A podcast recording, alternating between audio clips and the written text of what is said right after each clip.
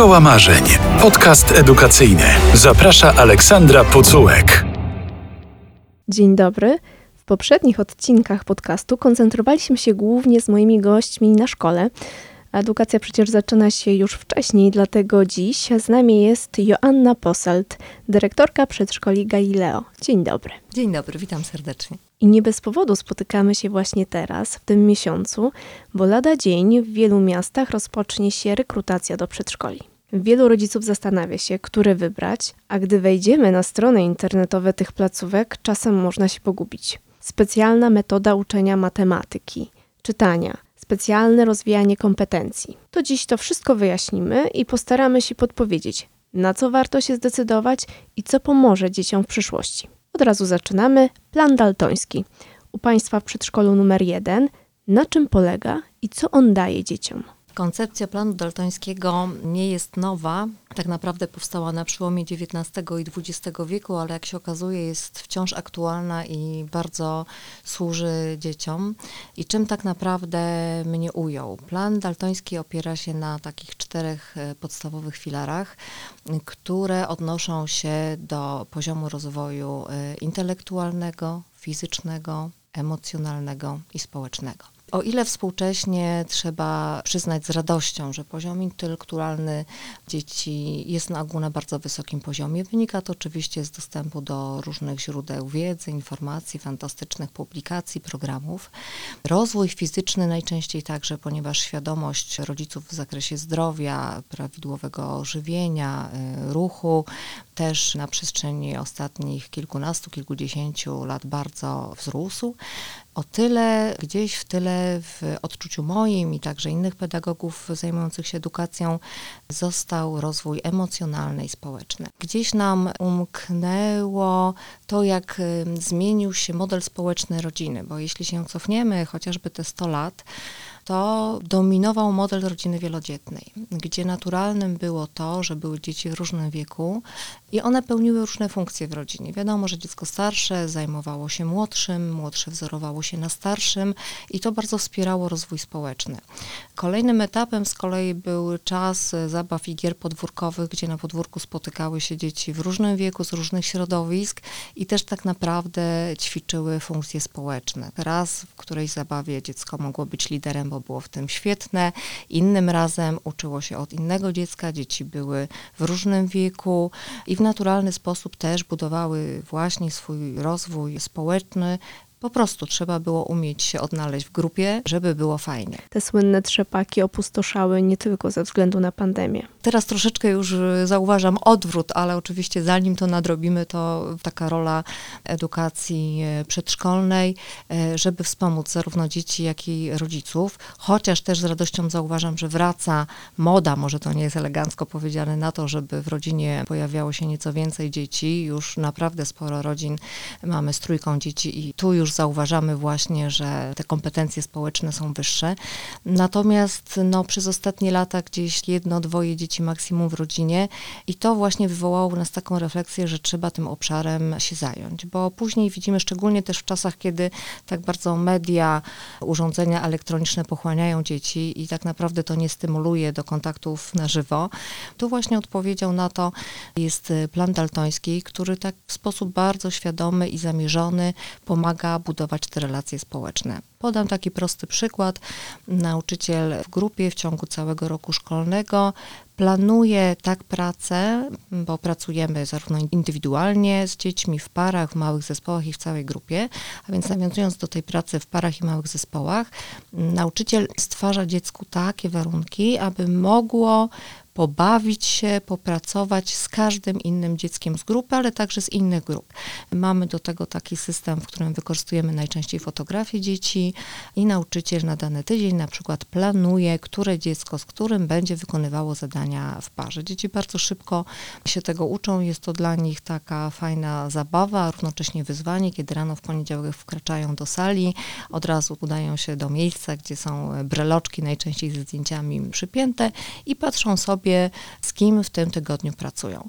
To wydaje się być prostym, ale to tak jak w życiu nas dorosłych. Zawsze pytam na zebraniach z nowymi rodzicami, z kim najchętniej współpracujemy, kiedy wchodzimy do nowej grupy, do ludzi, których nie znamy. Podobno najczęściej nasz wzrok, nasze zainteresowanie wędruje w kierunku osoby podobnej do nas wizualnie. Dokładnie tak działa to u nas wszystkich, że szukamy podobieństw. Pierwsze, co się rzuca w oczy, to oczywiście wygląd fizyczny.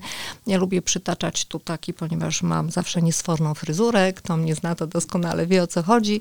I faktem jest, że gdzieś na etapie życia szkolnego i nawet studenckiego, jeśli gdzieś w grupie dostrzegłam dziewczynę, kobietę z równie niesforną fryzurą, to rzeczywiście nas gdzieś od razu do siebie przyciągało. Oczywiście te podobieństwa mogą być głębsze. Kiedy już zaczynamy rozmawiać, to czasem bardzo podświadomie wybieramy osoby o zbliżonym akcencie, bo mimo, że jesteśmy jednym krajem, to jednak regionalnie różnimy się w wymowie. Ja, ponieważ bardzo ściśle współpracuję z poznaniakami i poznaniacy akcentują najczęściej ostatnią sylabę. To brzmi tak, jakby zadawali pytania.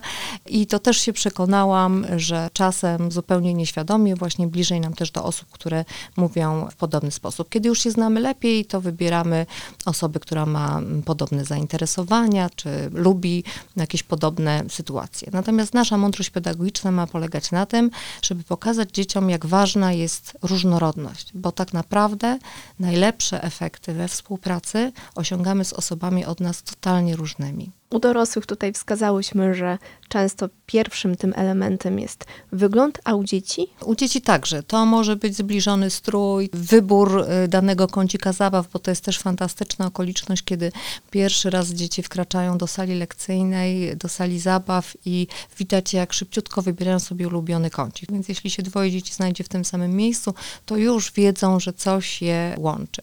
Prawda jest taka, że bez tego świadomego kierowania rozwojem społecznym dzieci potrafią przez 4 lata bawić się w ścisłym gronie. Oczywiście znają pozostałe dzieci z grupy, ale jeżeli dochodzi do zabawy dowolnej, to najchętniej bawią się zawsze w tym samym gronie.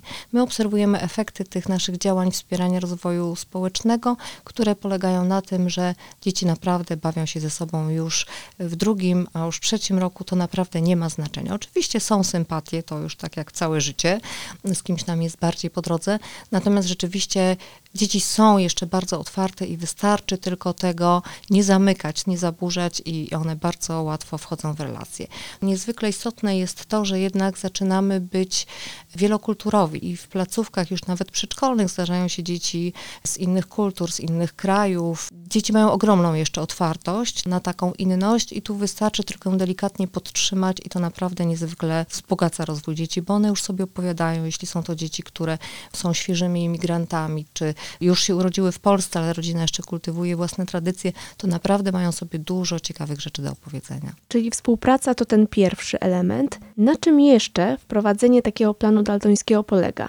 Przychodzi do Was taki przedszkolak i co dalej? Powiem rzecz oczywistą dla wszystkich pedagogów, że zaczynamy od obserwacji, czym dziecko się interesuje, jakiego wsparcia potrzebuje i naprawdę wprawne oko to dość szybko wychwytuje.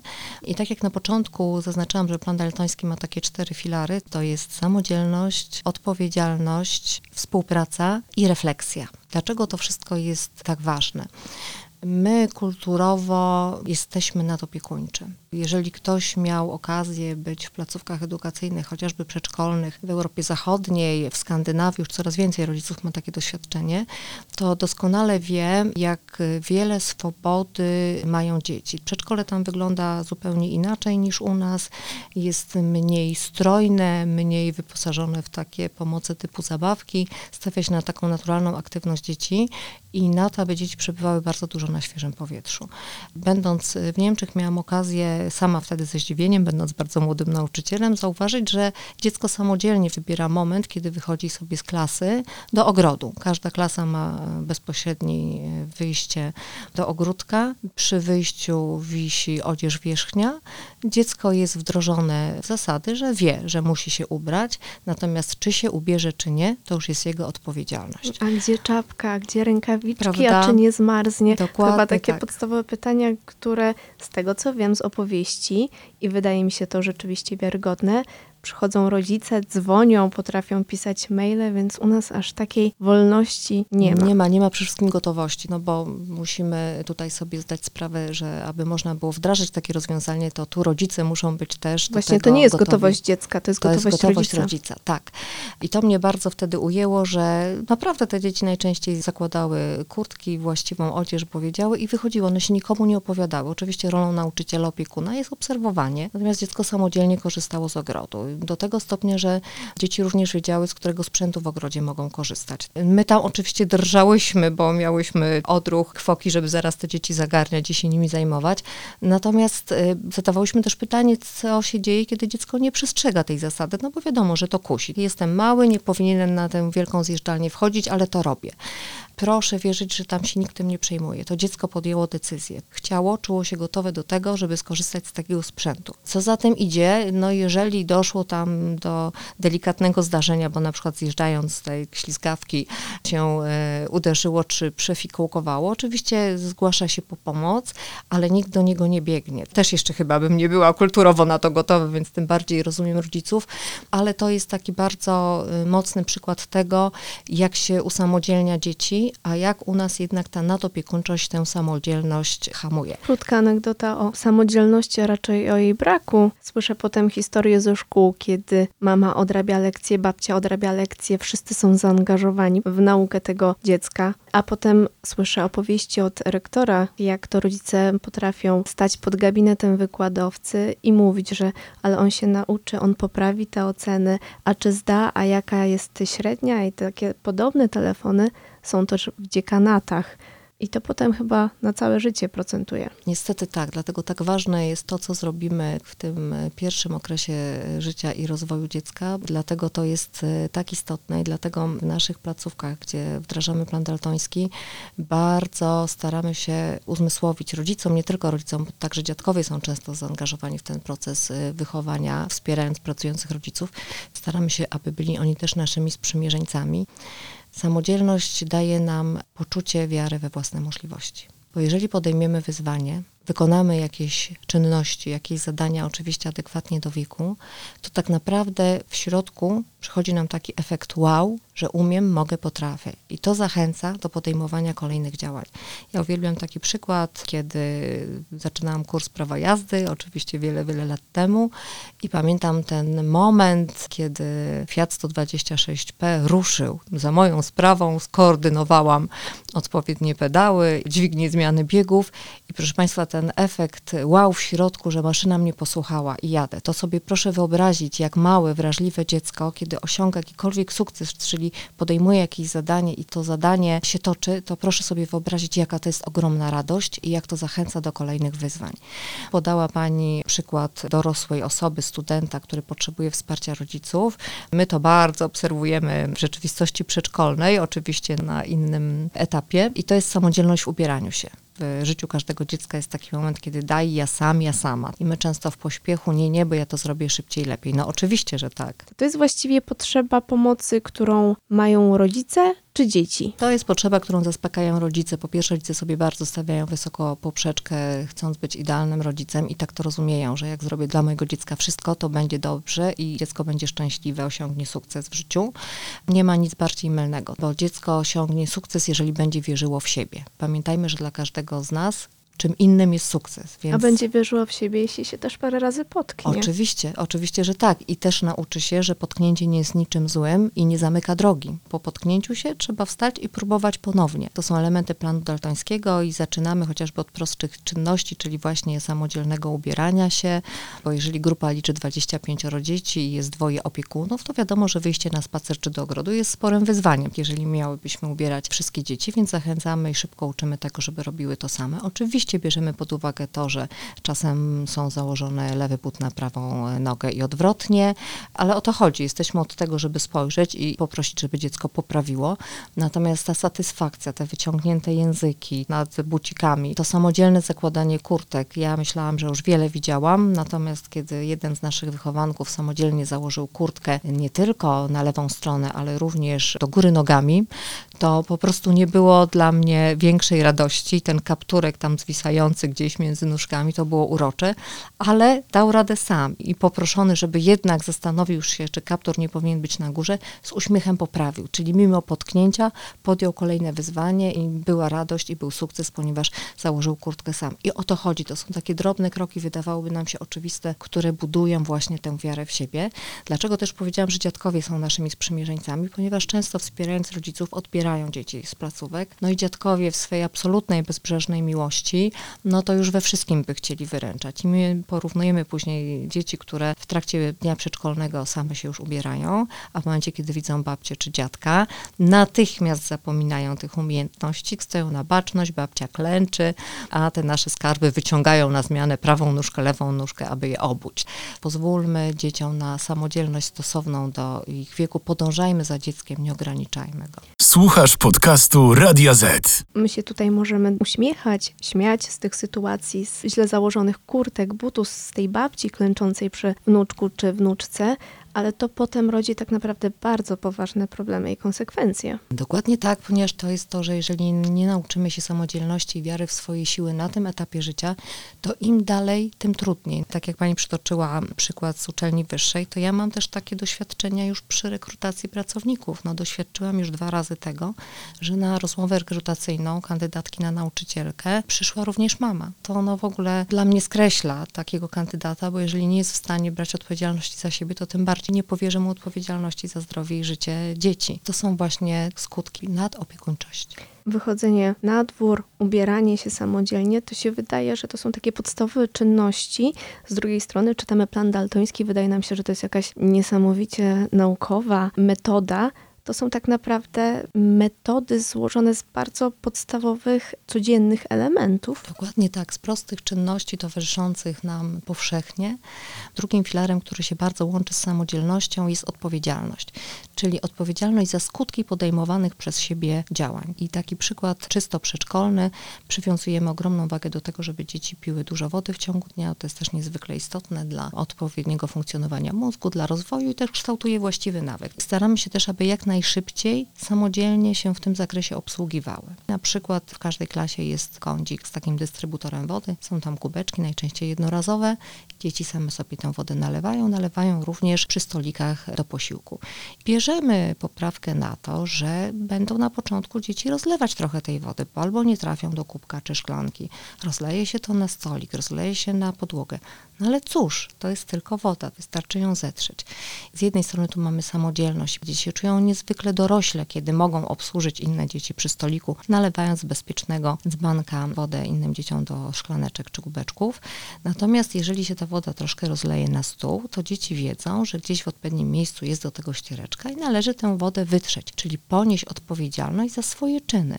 Dzieci wiedzą, że nikt tutaj nie robi z tego problemu, bo tu właśnie o to chodzi i wiadomo, że my jesteśmy po to, aby w razie czego tam dyskretnie poprawić, szczególnie jeśli to woda na podłodze, żeby było bezpiecznie, ale naprawdę proszę wierzyć, że dzieci na tym etapie życia z przyjemnością podejmują takie czynności, ścieranie, zamiatanie, wręcz dyżur przy takich sprzętach jest zaszczytem. Bardzo proszę, aby rodzice zwracali właśnie na tę gotowość uwagę, czyli jak dziecko bardzo się już tam w domu do czegoś pcha, bardzo chce to zrobić, to pozwólmy mu na to. Ja wiem, że nie zawsze, nie codziennie jest na to czas, ale nie przegapmy tego, czyli jak dziecko bardzo chce pomóc w zmywaniu, to pozwólmy dziecku wykonać pewne czynności.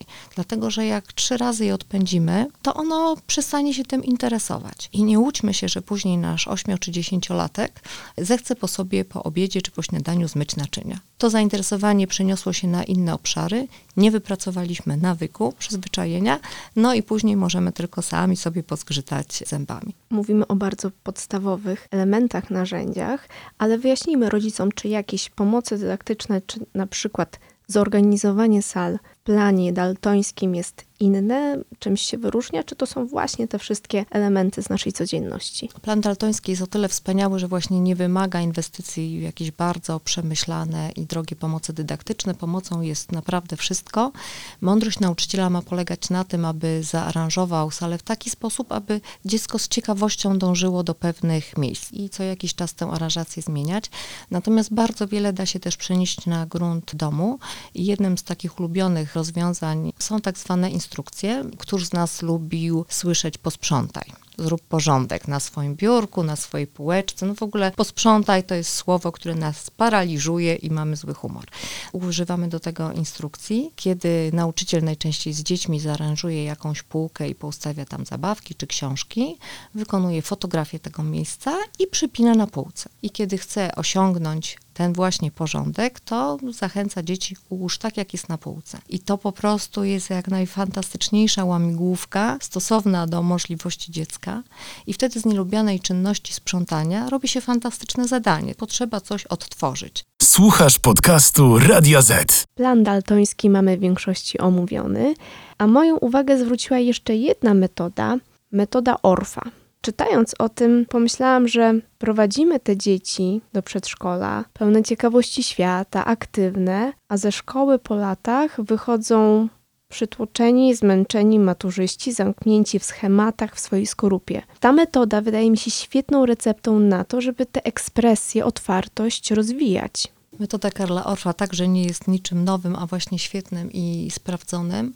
Ona fantastycznie uruchamia w dzieciach pokłady spontaniczności i kreatywności.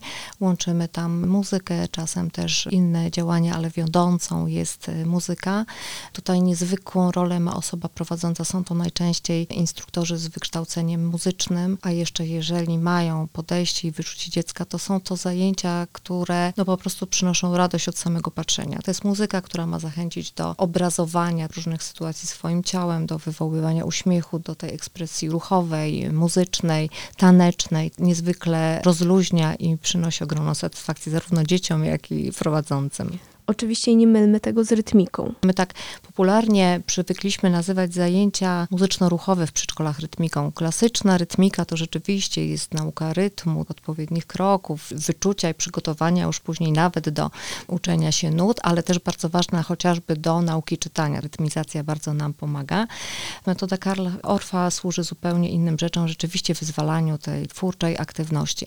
Na początku lat 90. w edukacji był taki duży nacisk i taka moda właśnie na kreatywność dziecka, ale to się wówczas odbyło troszeczkę kosztem właśnie zasad i takiej organizacji dnia. W efekcie mamy teraz trochę dorosłych, niezwykle kreatywnych, ale takich, którzy nie potrafią się odnaleźć niestety w szarej rzeczywistości związanej z obowiązkami, godzinami, punktualnością. I jeszcze jedna metoda ruchu rozwijającego Weroniki Sherborn. Metoda również nie nowa, natomiast bardzo ważna. To są przemiłe zabawy i najczęściej, kiedy organizujemy w przedszkolach zajęcia warsztatowe, na które zapraszamy rodziców, to zapraszamy właśnie do tego, aby dotknęli tej metody w pracy ze swoim dzieckiem. Jest to metoda, która zakłada bliskość fizyczną. Przytulanie, głaskanie dziecka jest niezwykle ważne i dla jego rozwoju emocjonalnego, ale i fizycznego. To są takie zabawy, ocieranie się plecami, przyciągania, turlania. Też wydawałoby się proste, zwyczajne rzeczy, ale przeprowadzone w sposób świadomy dają ogromną radość z tego kontaktu i osobie dorosłej i dziecku. My oczywiście pracując z samymi dziećmi jak najbardziej też stosujemy tę metodę. Ona też pozwala zbliżyć się do drugiego człowieka, niekoniecznie fizycznie, ale emocjonalnie. To jest przełamywanie tych swoich barier, które nas chronią, ale czasem za bardzo, czasem za bardzo dystansujemy się od innych ludzi. To nas spina, stresuje i też wpływa na nasz dobrostan, ale także na kontakty społeczne. Niektórzy z nas mają w sobie taką potrzebę bliskiego kontaktu, a są rodziny, które są takie no zimne z definicji. Czyli znowu ten wątek emocjonalny tutaj się I pojawia. społeczny, tak. Znalazłam też informacje o metodzie profesor Jagody Cieszyńskiej, ciąg dalszy metod i nauki. Jak widać, rzeczywiście może trochę głowa rozboleć, ale warto je wszystkie poznać przed zapisaniem dziecka do przedszkola. I ta metoda przygotowuje do nauki czytania. Profesor Cieszyńska jest dla mnie w ogóle guru. To jest niesamowita osobowość, niesamowita wiedza. Miałam przyjemność też gościć panią profesor wiele lat temu w przedszkolu. Była uprzejmą przeprowadzić dla nas wykład. To jest metoda dostosowana do naszego języka. Język polski jest językiem fleksyjnym, a niestety metoda głoskowa, która przez lata dominowała w Polsce w nauce czytania, pochodzi z języków anglosaskich i niestety jest dla nas nienaturalna. Dla nas naturalnym jest uczenie się sylabowe, Jeżeli nie chcemy zrobić krzywdy dziecku i nie chcemy, żeby było dyslektykiem, bo pamiętajmy, że mamy taką dysleksję wynikającą z pewnych dysfunkcji mózgu, ale mamy też dysleksję rozwojową, taką, która wynika właśnie z tego, że w niewłaściwy sposób przygotowujemy do nauki czytania. Profesor Cieszyńska metodę opracowała dla dzieci niesłyszących. To mnie bardzo przekonało, ponieważ jeśli coś działa u dziecka z szczególnymi potrzebami, to tym bardziej zadziała u dziecka zdrowego. I zawsze też na początku naszych klientów, rodziców prosimy o to, że jeżeli chcą nas wspierać w tym, żeby dziecko przygotowywać do nauki czytania, to żeby to robili właśnie z przewodnikami profesor Cieszyńskiej. Aby je stosować, nie trzeba być pedagogiem, nauczycielem. Jest cała seria książeczek Kocham uczyć czytać. I ona naprawdę nawet lajka prowadzi krok po kroku przez świat wdrażania do nauki czytania. Widzimy efekty, bo najczęściej u nas pięciolatki już czytają w sposób płynny i to jest cały czas przyjemność i zabawa. Zaczynamy od tego, że sylaba jest podstawową cząstką mowy. Pamiętajmy, że również najpierw dziecko musi się nauczyć czytać i dopiero przechodzimy do nauki pisania. To jest naturalna kolejność. Profesor Cieszyńska też w sposób bardzo świadomy te swoje przewodniki ułożyła. Zaczynamy od samogłosek, samogłosek prymalnych, czyli tych, które się w ogóle pojawiają jako pierwsze. Gdy dziecko zaczyna wydawać dźwięki, to są to samogłoski, więc najpierw mamy ilustrację i właśnie zapis tej samogłoski, najczęściej nie pojedyncze, tylko takie a, o, u, takie troszeczkę dźwiękonaśladowcze. Później łączymy je z półgłoskami, niekoniecznie to od razu są słowa, które mają jakiś sens, ale uczą właśnie łączenia głosek w sylaby i później już przechodzimy do krótkich wyrazów. To również nasze nauczycielki przetestowały na własnych dzieciach i myślę, że tutaj są najlepszymi propagatorkami skuteczności tej metody i tego, że dla dziecka to jest wtedy prawdziwa przyjemność. Mamy czytanie, czyli w pewnym sensie język polski. Też już przedszkolaki mają matematykę. Mówię to z obawą, ponieważ znam nastawienie wielu uczniów już starszych ze szkół, czy średnich, czy już z podstawowych. I tutaj tę matematykę Państwo też starają się jakoś przemycać, uczyć jej, żeby te małe dzieci w tym świecie matematycznym się świetnie odnajdywały. Co to za program, co to za metoda? Wspiera nas tu od lat niezawodna profesor Gruszczyk-Kolczyńska, która też już jest autorytetem, nie tylko zresztą w dziedzinie matematyki, ale też w ogóle wychowania dziecka w wieku przedszkolnym.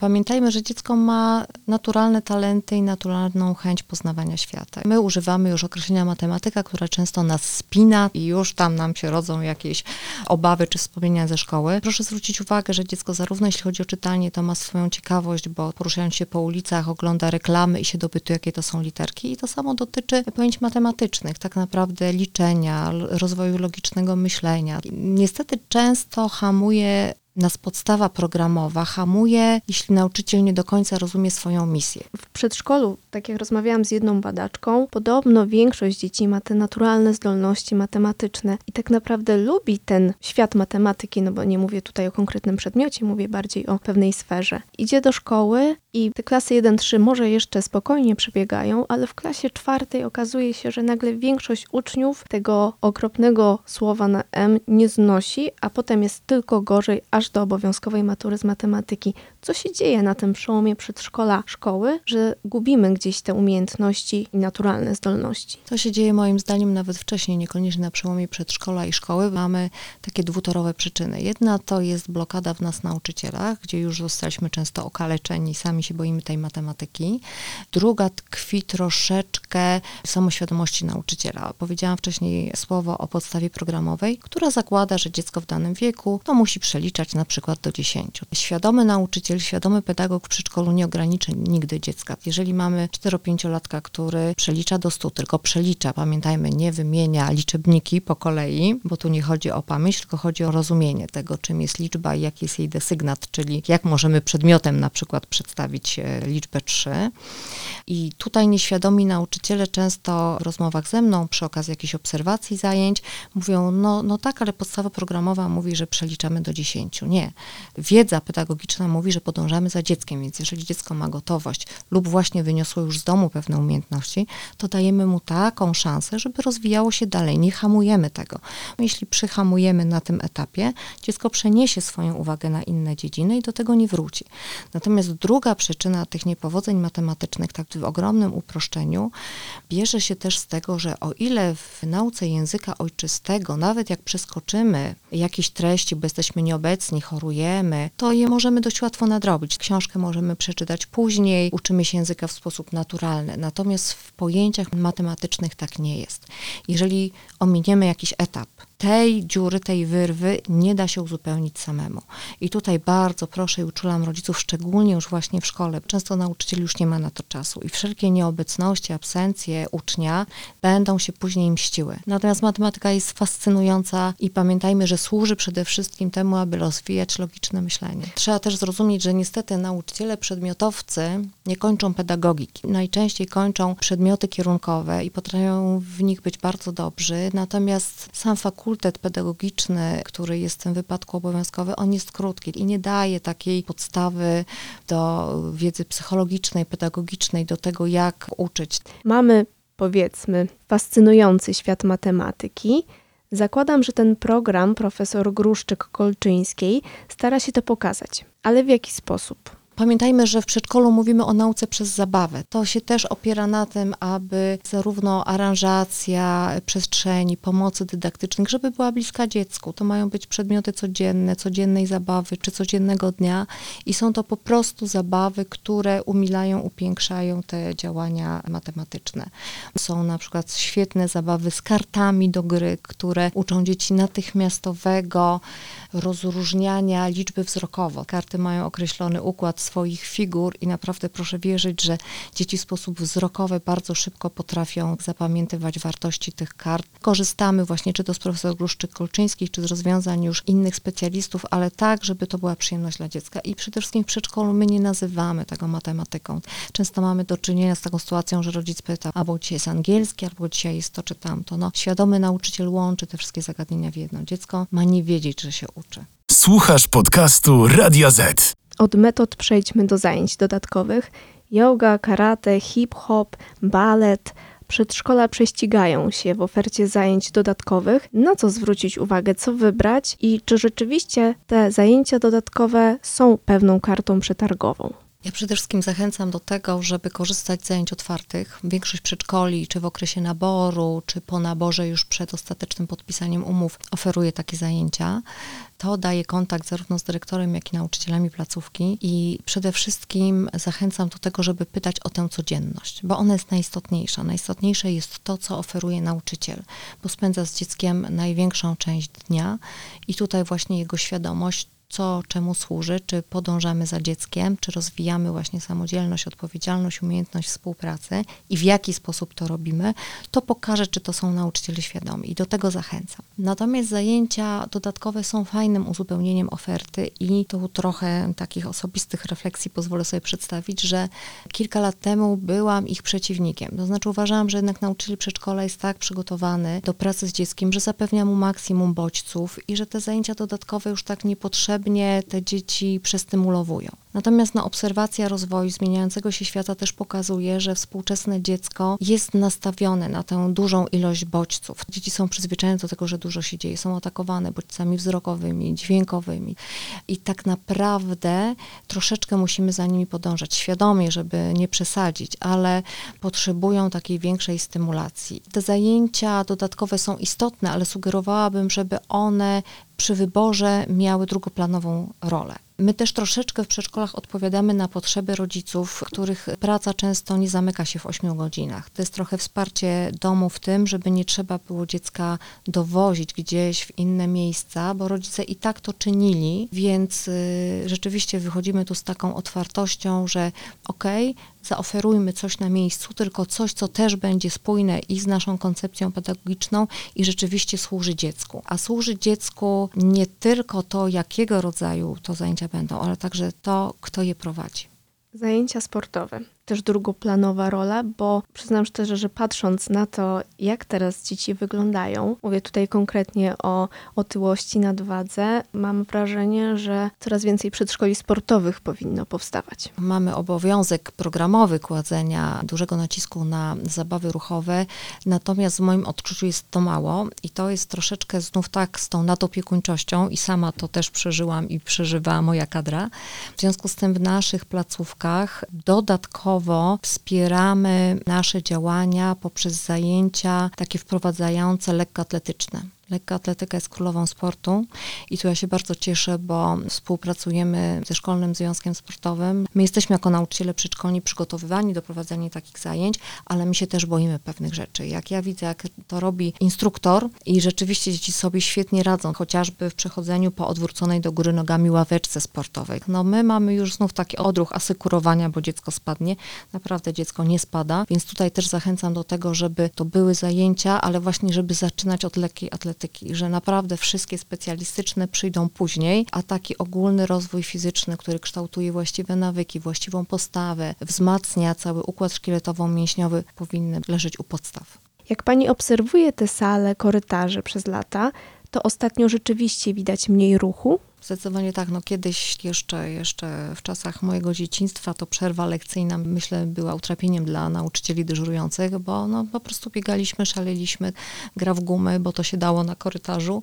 Teraz korytarz w czasie przerwy wygląda tak, że dzieci siedzą ze smartfonami. Ruch w ogóle taki naturalny zamarł. Ale w przedszkolu mam nadzieję, że jeszcze te smartfony są pochowane. Jeszcze nie.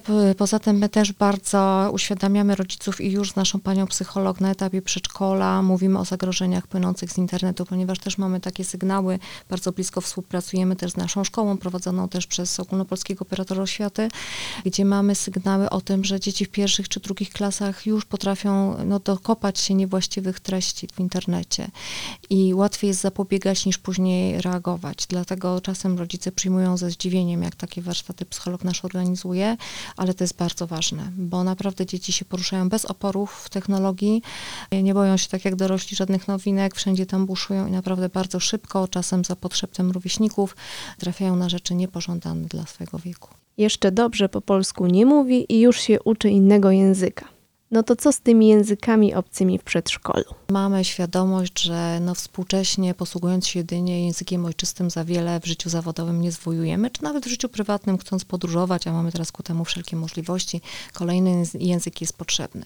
Faktycznie im wcześniej się zaczynamy uczyć kolejnego języka, tym lepiej, ale co to znaczy to wcześniej? Ja się tu znów odwołam do pani profesor Jagody Cieszyńskiej, która bardzo mądrze podkreśla, że najpierw musimy opanować język ojczysty, aby móc się uczyć drugiego języka. Rodzice marzą o tym, aby dzieci były dwujęzyczne. One faktycznie dwujęzyczne mogą być tylko w mieszanych kulturowo rodzinach. I mamy takie dzieci i rzeczywiście one myślą w dwóch językach. Proszę kiedyś przy okazji zapytać takie dziecko, powiedzieć mu przetłumacz. Ono nie wie o co chodzi. Jak się zagada do niego, mówiąc tak już y, trywialnie, po francusku, odpowie po francusku. Jak się do niego odezwiemy po polsku, odpowie po polsku. To jest prawdziwa dwujęzyczność. Nie będzie dwujęzyczności, jeżeli oboje rodzice są z jednej kultury i uczą się tego języka. Pamiętajmy o jednym, że w przedszkolu nie uczymy się języka, tylko się z nim osłuchujemy i to jest jak najbardziej celowe.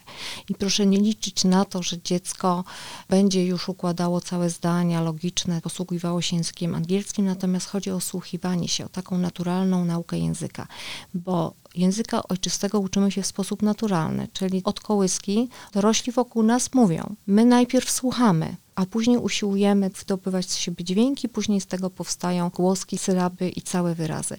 I najskuteczniejsza y, nauka języka obcego również jest wówczas, kiedy jest nauką naturalną. Niestety w naszych procesach dydaktycznych dominuje nauka przez gramatykę, wciskanie reguł, a przecież my nie uczymy małego Polaka w kołysce reguł gramatycznych, tylko do niego mówimy. I chodzi o to, żeby dziecko się jak najwięcej osłuchiwało, czyli poszerzało swój słownik bierny. Najpierw dziecko rozumie wyrazy, a później zaczyna ich używać. I tu zachęcam też bardzo do takiego prostego rozwiązania. Wiemy, że każdy pozwala dziecku jednak oglądać trochę bajek w domu i zachęcam, żeby to były bajki w oryginalnych wersjach językowych. Powiedziała Pani, że tylko w rodzinach wielokulturowych jest możliwość tej dwujęzyczności. W takim razie co z przedszkolami dwujęzycznymi? Ja wiem, że tu pewnie wywołam troszeczkę burzę w szklance wody, ale Ja nie do końca w nie wierzę. To znaczy, oczywiście uczmy, tam może być y, zwiększona ilość tych zajęć obcego języka, ale nie łudźmy się, że wyjdzie nam z tego dziecko dwujęzyczne, bo ono już do przedszkola przyszło z umiejętnością porozumiewania się w języku polskim. Jeżeli rzeczywiście dziecko się poprawnie posługuje polszczyzną, to jak najbardziej można intensyfikować te zajęcia z języka obcego i te efekty będą. Jeżeli mamy dziecko z zaburzeniami dyslektycznymi, to nie róbmy mu krzywdy, bo wtedy już kompletnie mieszamy mu dwa światy. Ja zawsze przytaczam pana Zygmunta Broniarka, który był poliglotą, a uczył się tak naprawdę języków e, sam, był samoukiem i uczył się w wieku lat nastu. Więc naprawdę, jeżeli będziemy mieć do tego Darii odpowiednią motywację wewnętrzną, która powstaje z samodzielności i odpowiedzialności, to naprawdę to osiągniemy. Więc pozwalajmy się dzieciom osłuchać, inwestujmy w te zajęcia, ale też nie oczekujmy, że dziecko natychmiast będzie y, w tym języku się biegle y, porozumiewało. Niech się osłuchuje. Szkoła Marzeń to podcast, w którym staramy się sobie wyobrażać, jakby mogła wyglądać idealna szkoła. Przysłuchując się Pani opowieściom i naszej rozmowie, mam wrażenie, że mamy to na wyciągnięcie ręki. Indywidualna praca z uczniem, małe grupy, podążanie za dzieckiem. Aż chcę się spytać, co się dzieje w szkole, że to tracimy. Potrzebne są trzy warunki do tego, żebyśmy mieli idealną szkołę. To jest bardzo świadomy nauczyciel, nauczyciel pasjonat. To jest dziecko, które... Za chwilę nie będzie mieć w ogóle nauczycieli, nie mówiąc już o pasjonatach. tak, tak. Dziecko, które jest otaczane opieką i daje mu się przestrzeń, przestrzeń wyboru, przestrzeń samodzielności, rozbudza się jego kreatywność, ciekawość. A my usadzamy go w ławce przed tablicą na sztywno. I mówimy, odzywaj się, jak będziesz zapytany. I trzeci warunek to jest zaufanie rodziców. Rodzice są naszymi partnerami, ale mogą nimi nie być. Dlatego tak bardzo zachęcam do tego, żeby korzystać z wszelkich dni otwartych, rozmawiać z nauczycielami, z dyrektorem, opierać się na tak zwanej poczcie pantoflowej, czyli doświadczeniach już innych rodziców, używać swojej intuicji, wybierać takie miejsca, gdzie widać, że mamy nauczycieli z pasją, mamy dziecko w centrum i wtedy obdarzać nas zaufaniem. Bo jeżeli rodzic będzie podważał kompetencje nauczyciela, to to się obróci przeciwko dziecku, bo my jesteśmy dorośli i sobie z tym poradzimy, będzie nam przykro lub nie. Natomiast jeżeli rodzic w obecności dziecka podważa kompetencje nauczyciela, to sam sobie podcina gałąź. I ja rozumiem, że jest bardzo trudno, bo mamy, tak jak w każdej grupie zawodowej, mamy pasjonatów i mamy osoby, które są z przypadku w tym zawodzie. Ale jeżeli już wyczuwamy, że mamy pasjonatów i jeżeli widzimy, a rodzice bardzo szybko to widzą, że naprawdę nauczyciel wie, co robi i, i robi to z oddaniem, to proszę o zaufanie. My się znamy na swojej pracy, kończymy odpowiednie studia i nie kończymy na tych jednych, tylko doskonalimy się przez całe życie i potrzebujemy, aby nasi rodzice byli partnerami. W rzeczywistości szkolnej czy przedszkolnej specjalistami jesteśmy my. Ale tutaj wciąż czegoś nie rozumiem, bo to się w przedszkolu udaje. Jest to wyjście z tej skorupy. Dzieci rzeczywiście wykazują się jakąś ekspresją, kreatywnością, chcą się uczyć, się rozwijać i jest takie szczęśliwe dziecko, które nagle trafia do szkoły, a potem rozmawiam z przemęczonymi, głodnymi nieraz od nadmiaru zajęć, bo nie mają kiedy zjeść, licealistami, ale nie tylko, bo już w siódmych, ósmych klasach jest podobnie, że te dzieci mają 40 godzin tygodniowo jak etat dorosłego człowieka i tej szkoły nie lubią, to łagodnie powiedziane. Co się dzieje, że na to przedszkole patrzymy trochę z przymrużeniem oka, niestety, wciąż w naszym systemie edukacyjnym. I tak naprawdę to, co jest dobrego w tym przedszkolu, potem jest wszystko zasypywane. To, aby szkoła mm, wzmacniała procesy, które zostały rozpoczęte w przedszkolu, potrzebna jest ogromna świadomość pedagogiczna nauczycieli, szczególnie już nauczycieli przedmiotowców, o czym mówiłam wcześniej, ale też potrzebna jest taka przestrzeń tworzona przez dyrektora placówki dyrektora szkoły. W tej chwili mam takie odczucie, że praca dyrektorów jest tak sformalizowana, że nie mają czasu zajmować się koncepcjami pedagogicznymi. Stali się tak naprawdę urzędnikami. Jeżeli chodzi o przedszkole i klasy 1-3, to tak jak powiedziałam, to są nauczyciele, którzy kończą pedagogikę. Natomiast później od klasy czwartej mamy tak naprawdę przedmiotowców.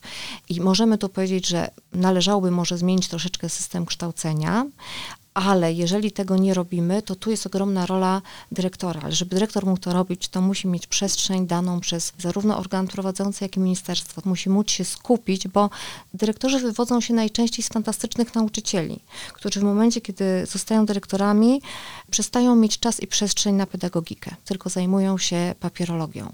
I to jest taka bardzo prozaiczna przyczyna. Dlatego my się bardzo cieszymy a propos edukacji daltońskiej, że nasze łódzkie przedszkola daltońskie, ale także szkoła prowadzone właśnie przez y, fundacje mają już taką y, ciągłość edukacyjną. My ze sobą bardzo ściśle współpracujemy. Szkoła już też jest y, u progu uzyskania certyfikacji z koncepcji daltońskiej i tam pani dyrektor wkłada ogromny wysiłek, żeby nie tylko te klasy 1-3, ale właśnie, żeby też w tych klasach starszych prowadzić edukację podążającą za dzieckiem. Realizować program naturalnie, ale właśnie w taki sposób, który sprzyja dziecku. Mamy nadzieję i taki nasz plan e, ukryty, że ta koncepcja się będzie rozwijać, rozszerzać właśnie ku dobru dziecka. I niech ta delikatna sugestia i recepta wybrzmi na koniec naszej rozmowy. Dziękuję bardzo za dzisiejsze spotkanie. Dziękuję pięknie za zaproszenie. A ze Szkołą Marzeń i kolejnym szukaniem pomysłów na polską edukację wracamy za miesiąc. Więcej naszych podcastów można znaleźć na stronach player